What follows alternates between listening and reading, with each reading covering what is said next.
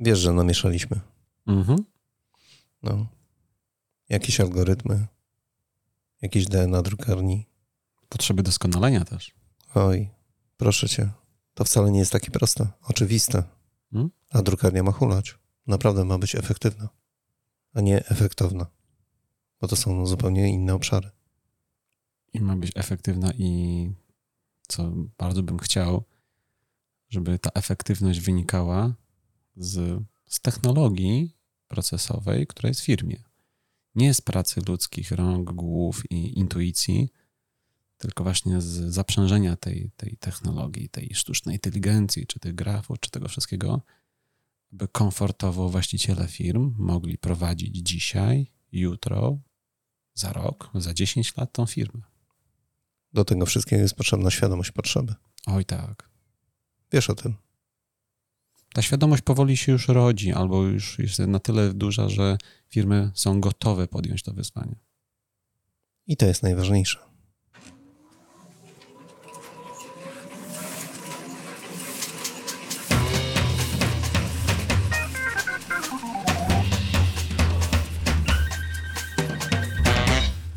Niezbędnik Poligrafa Mirosław Pawliński. Witam wszystkich bardzo, bardzo serdecznie. A dzisiaj naszym gościem Łukasz Szymański, firma DigiPrint. Witam dzień cię. dobry, dzień dobry. No i jak usłyszeliście, drodzy Państwo, wcale nie odpuszczamy tematu. Dalej brniemy w to, co jest nazwane transformacją cyfrową, tak ogólnie, a tak naprawdę my mówimy o tym, co możemy zrobić, poprawić, żeby ta drukarnia była naprawdę super nowoczesna. Mm, taki creme de la creme tego biznesu. No tak, ale wiesz co, pojawiło się trochę pytań, bo tak e, mówimy o tym wszystkim, o tych sieciach neuronowych, o tym DNA i tak dalej, i tak dalej. Efekt końcowy tego wszystkiego. Bo wiesz, drukarnia, patrząc bardzo holistycznie, to jest mega przedsiębiorstwo. Tam jest i wszystko to, co jest związane bezpośrednio z kontaktem z klientami, ta Mhm. część. Jest część prepresowa, jest część drukująca, inteligatornia, logistyka cała.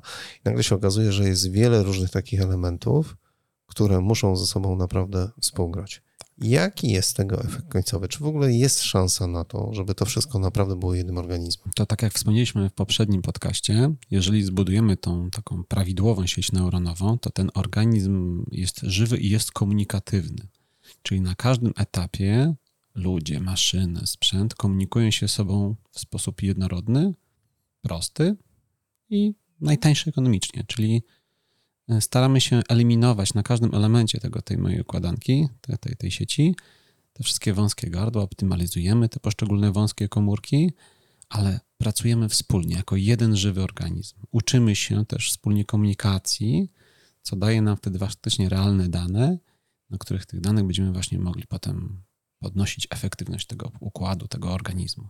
To popatrzmy na ten pierwszy element, czyli bezpośredni kontakt z klientami. Mhm. Jeżeli już wprowadzimy to wszystko, o czym ro- rozmawialiśmy, to jaki jest tego efekt końcowy? No. Taki praktyczny. Praktyczne jest to, że handlowiec dostaje ad hoc, on demand z tego układu informacje w związku z ofertą, w związku z prognozowaniem, w związku z planowaniem tego, co jest realnie możliwe, jakie są realne koszty, jakie są realne zyski, czy przewidywalne zyski.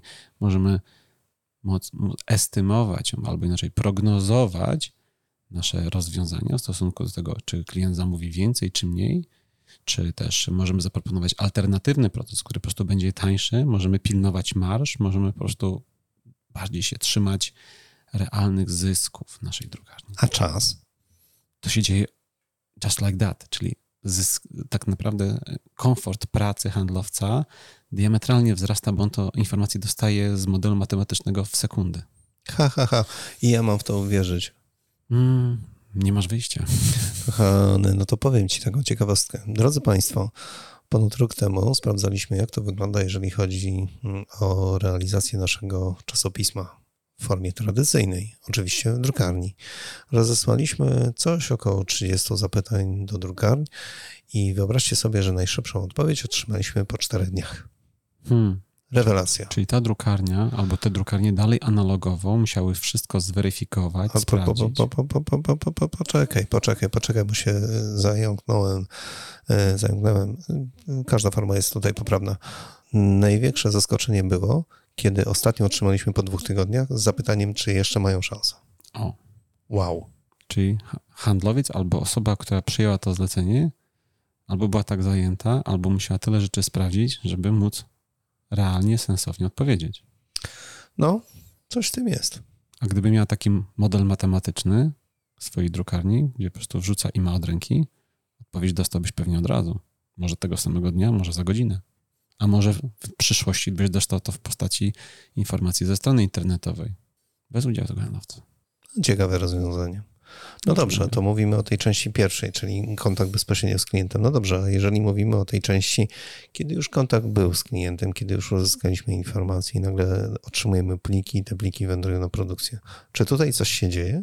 Tak, bo Mirku, jeżeli mamy na podstawie tego grafu zaplanowany cały twój proces, to te pliki, które trafiają, od razu trafiają w workflow, który automatycznie przetwarza, bo już dokładnie dostał wszystkie instrukcje z tego grafu. Na co ma być to zrobione? Ten wstępne założenia, które były zrobione na początku, służą jako warunki brzegowe tego, żeby przetworzyć każdą stronę Twojego magazynu, żeby to wszystko było sprawdzone. Jeżeli cokolwiek jest nie tak, za pomocą portali internetowych, maila, informacji, czy też takiego nawet aplikacji komórkowej, będzie też informację, zmień to, popraw, albo to wszystko jest ok, gotowe do druku. To wyjaśnię jeszcze jedną rzecz, bo jesteśmy w innym czasie.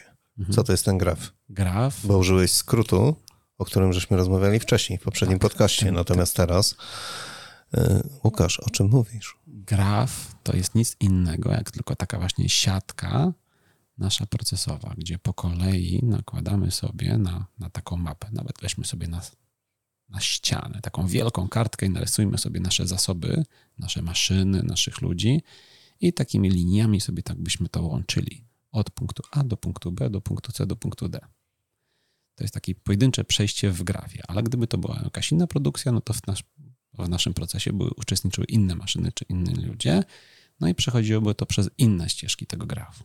No dobrze, czyli mamy prepres yy, i druk. Mhm. I te pliki po prostu tak sobie przechodzą? Jeżeli mamy workflow, który pracuje w tym schemacie, w tym scenariuszu, to tak, to po prostu przechodzi błyskawicznie. Inteligatornie? Tak samo. Sprzęt, który jest jakby zaimplementowany w grafie, jeżeli mówimy o takim sprzęcie, który jest połączony cyfrowo, dostaje od razu automatycznie komunikację. Rozmawialiśmy o tym wcześniej. Dzisiejsze maszyny są już gotowe na to, żeby właśnie za pomocą tych systemów workflow być automatycznie ustawione. To tak naprawdę do czego ogranicza się nasza praca? Mm, do tego, żebyśmy jako specjaliści patrzyli trochę z góry i zarządzali tym, tymi naszymi zasobami, tymi procesami i mieli czas twórczy i jak najbardziej kreatywny do tego, abyśmy ustawiali to lepiej. Taniej, szybciej, efektywniej.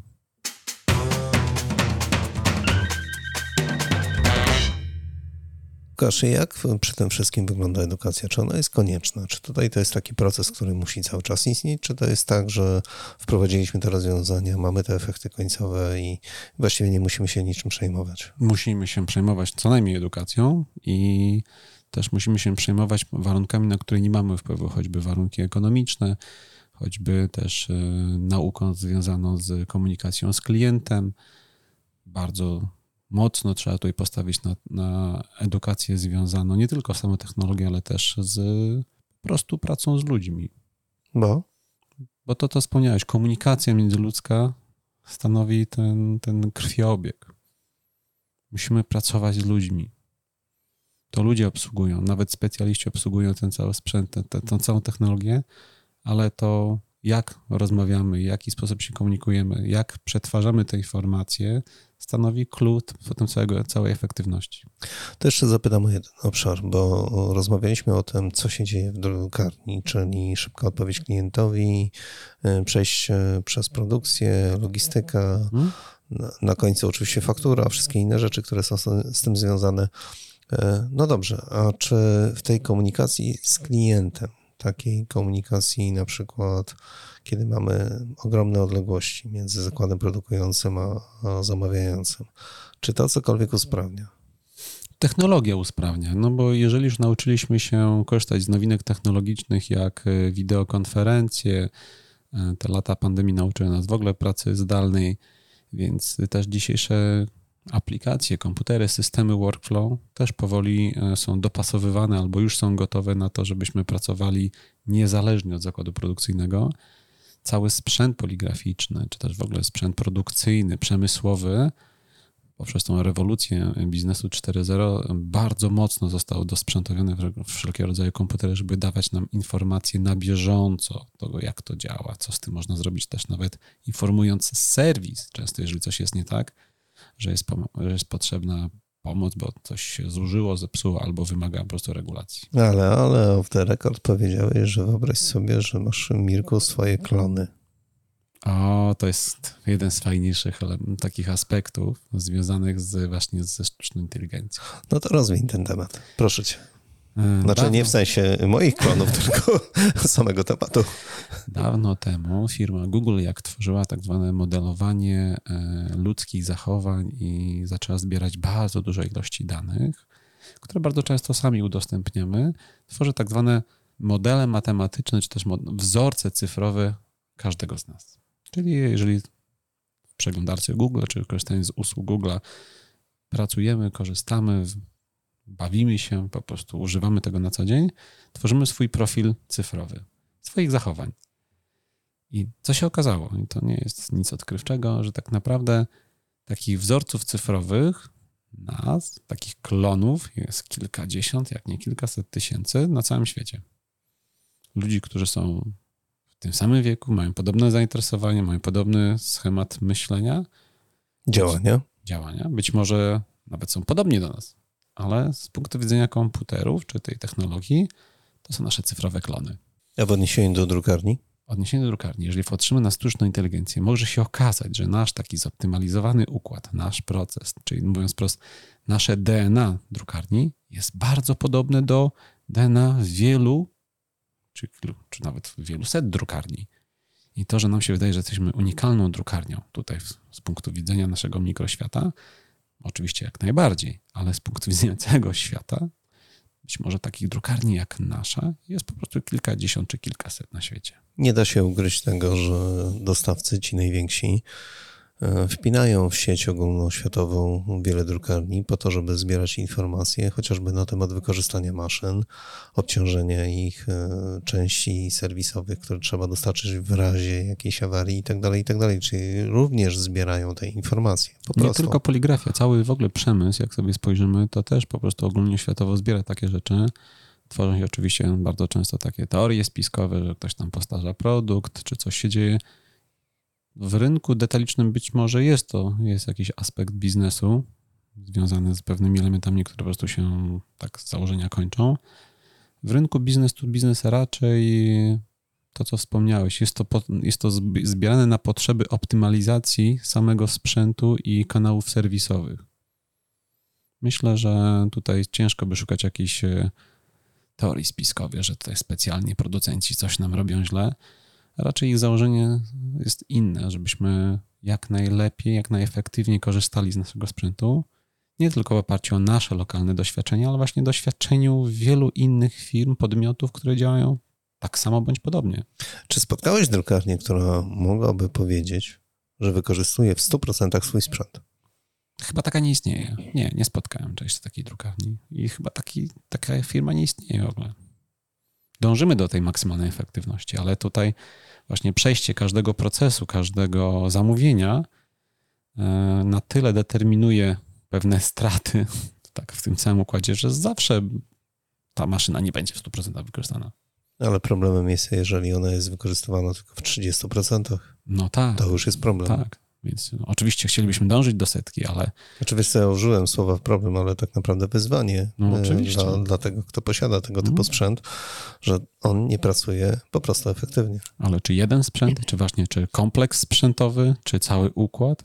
No bo tu nie chodzi o wykorzystanie pojedynczej maszyny, tylko mówimy o efektywności całego układu. A jeżeli w całym układzie jest jeden sprzęt, który wykorzystywany jest tylko w 10-15%, a cała reszta w to najłatwiej, go wy, to najłatwiej go wy, wymienić. To najszybciej widzimy tak, że tutaj coś jest nie tak, możemy go wymienić albo zutylizować i przesunąć gdzieś dalej.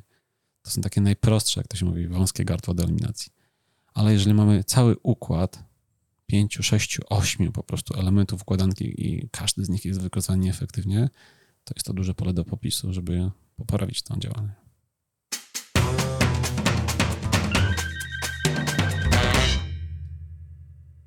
My tu sobie rozmawiamy, Łukasz, o różnych rzeczach i tak naprawdę to wygląda trochę tak, jakbyśmy chcieli naszych słuchaczy uczyć, edukować, uczyć, edukować i zwracać im uwagę na coś, a to nie jest tak.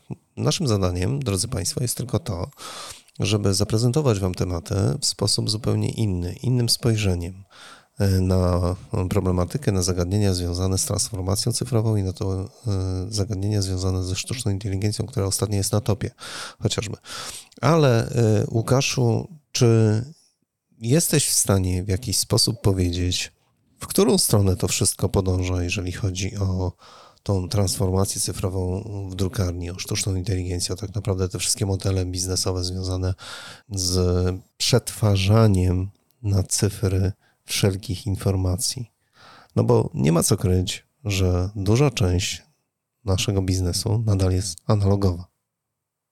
No, opakowanie czy magazyn Magazyn już może być cyfrowy, ale opakowaniówka na pewno jest analogowa. Nie da się stworzyć cyfrowego opakowania. Znaczy poligrafia w ogóle będzie analogowa zawsze, to, to dajmy spokój, w ogóle nie, nie, o tym rozmawiajmy, ale, ale mówimy o tych, o tych zagadnieniach, które, które żeśmy poruszali wcześniej w naszych e, mhm. rozmowach, czyli tej transformacji z analogowej na cyfrową drukarnię. W którą to stronę idzie, wykorzystując te wszystkie współczesne narzędzia dzisiaj?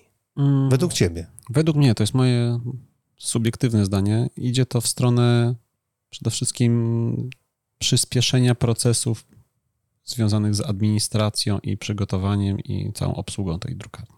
Po prostu cały koszt związany z obróbką, tak. cały koszt związany z obsługą z, i ten czas, i, i te też błędy, które są popełnione. Ale to wiesz co, to wychodzi tak, że, że ta drukarnia to będzie taki McDonald's.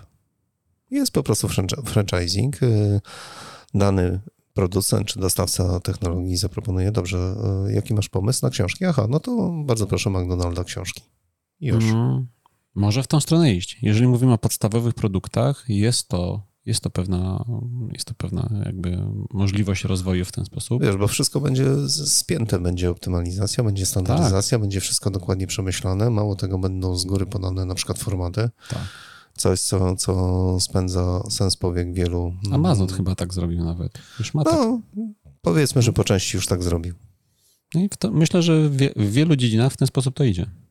Ja mogę podać przykład y, drukarni z Niemiec, czyli Saxoprint, w której byłem. Mhm. Oni absolutnie wystandaryzowali nawet formaty, które drukują. Po prostu zmienili mhm. zupełnie podejście do tego wszystkiego i oni realizują zlecenia w określonych formatach. Nie robią tych, których nie ma w ofercie. Kropka. Mhm.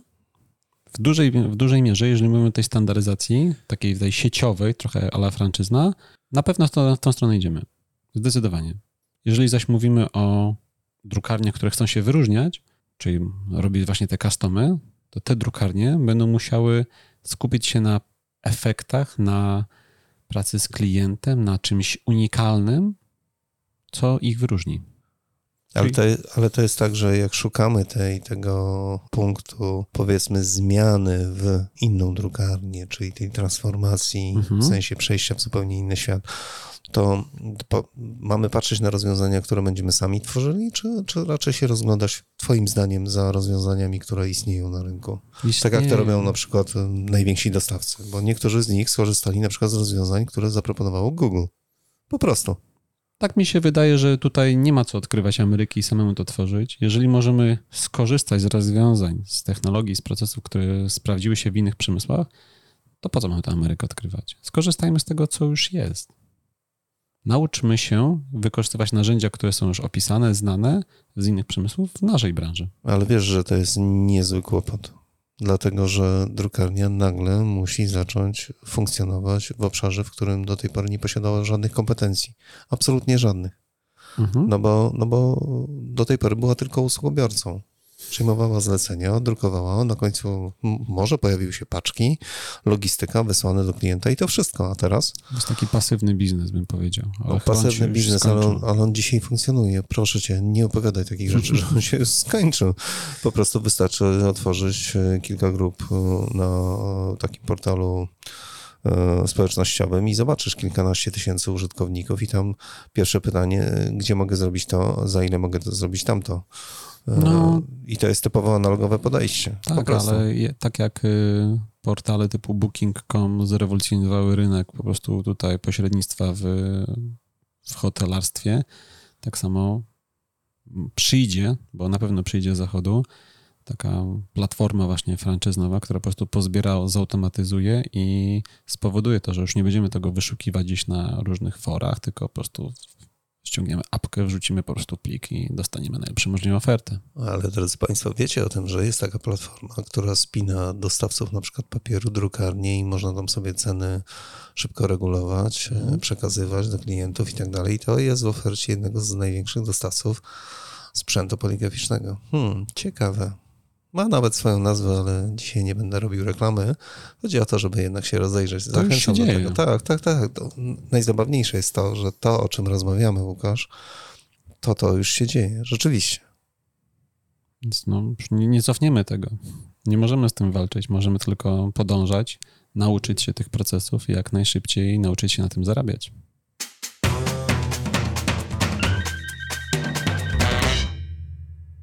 Rozmawialiśmy tutaj o tych wszystkich rozwiązaniach, automatyzacji, procesach, sieciach neuronowych.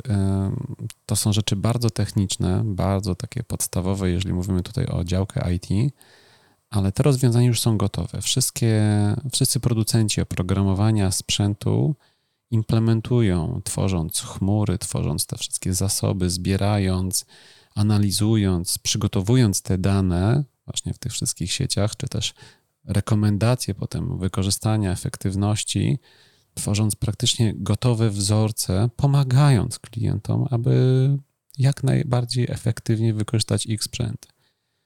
Implementując rozwiązania IT w firmie, praktycznie cała technologia jest gotowa, żeby pospinać maszynę.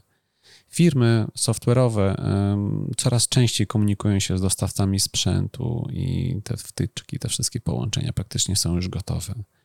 Więc y, naturalną koleją rzeczy będzie, że jeżeli firmy nasze dojrzeją do pracy w chmurach, dojrzeją do e, zbierania, organizacji danych e, w tym jednym ekosystemie, za chwilę taka literka, takie literki AI, sztuczna inteligencja, pojawi się jako dodatkowy element wspomagający proces. Ta sztuczna inteligencja pozwoli na to, żeby przejrzeć dane w naszej drukarni, zanalizować w stosunku do tego, jak to wygląda, czy jak my wyglądamy w drukarni w stosunku do drukarni podobnych nam, zaproponuje nam ścieżki rozwoju, tak aby dojrzeć do jakiejś mediany, czy nawet żeby się gdzieś tam wzmocnić, czy podnieść swoją efektywność, jakie elementy układanki należy powymieniać, gdzie postawić nacisk, czy to jest kwestia handlowa, czy to jest kwestia procesowa, czy to jest kwestia optymalizacji, czy to jest może kwestia nawet wymiany parku maszynowego na bardziej efektywny albo eliminacji sprzętu, który zużywa najwięcej energii, bo sami jako, jako ludzie, jako właściciele, czy też jakby ten pion nadzorczy, nie jesteśmy w stanie po prostu podjąć decyzji, opierając się tylko wyłącznie nasze, nasze przewidywania Wydaje mi się, że sztuczna inteligencja będzie wspaniałym narzędziem wspomagającym właśnie na podstawie matematyki, na podstawie rachunku planownictwa, na podstawie działań, które były w innych firmach w podobnym naszym zakresie, abyśmy świadomie po prostu prowadzili nasz biznes. Warto chyba jeszcze dodać jedną drobną rzecz, że tak naprawdę nie ma znaczenia wielkość tej naszej drukarni. Nie. No, może to być drukarnia dokładnie cyfrowa, może być to drukarnia mieszana, czyli taka hybrydowa. Tak, patrzymy. Może być etykietowa, może być to duża drukarnia, która ma kilkaset osób zatrudnionych na produkcji. Rozwiązania chmurowe zweryfikują, gdzie my jesteśmy, czy są firmy podobne jak sobie te firmy radziły. Korzystamy z doświadczeń firm z całego świata. Ale przy okazji dzielimy się swoim. Oczywiście. I to trochę zmienia cały układ. I jeżeli wprowadzimy nasze dane poprawnie, jeżeli będziemy te nasze dane mogli skorelować z innymi poprawnymi danymi, możemy naprawdę świadomie podjąć decyzję. po prostu mniej popełniamy błędów. A jak mniej popełniamy błędów, to znaczy, że i koszty są nie gdzieś tam ukryte, tylko koszty, nad którymi panujemy. Mhm. Drodzy Państwo, naszym dzisiejszym gościem Łukasz Szymański, firma DigiPrint i mam nadzieję, że tematy, które dzisiaj poruszaliśmy, nie były takie ciężko strawne, prawda Łukaszu? Mm, postaram się najlepiej jak da, jak się da przedstawić e, tą, tą trudną, tą, tą, tą trudne zagadnienie, bo wszyscy mówią, sztuczna inteligencja to jest przyszłość, ale o co tu tak naprawdę chodzi? Tak, tak, tak, tak, optymalizacja, standaryzacja, ale jest jedna drobna rzecz, Mhm. bo tego nie powiedzieliśmy, Łukasz, że przygotowujemy taki odcinek, taką rozmowę, w której będziemy mieli gości z drukarni, opowiadających o tym, jak oni przez to wszystko przeszli albo przechodzą, bo to nadal jest coś, nad czym pracują. Tak, i powiem wam, że chciałbym was wszystkich zarazić tą energią, którą nasz gość będzie w stanie przekazać, bo naprawdę jak im częściej ich odwiedzam, tym z dużo większą energią wracam zawsze do domu. Drodzy Państwo, to już niedługo. A dzisiaj naszym gościem, powtórzę, Łukasz Szymański, DigiPrint. Łukaszu, bardzo Ci dziękuję za dzisiejszą rozmowę. Dziękuję najmocniej i życzę dobrego dnia. A ja nazywam się Mirosław Pawliński. Prowadzę niezbędnik poligrafa. Przy okazji pamiętajcie o tym, żeby czytać Świat Poligrafii Professional drukowany tradycyjnie. Zawsze. Wszystkiego dobrego. Do usłyszenia za tydzień w kolejny czwartek. Do usłyszenia.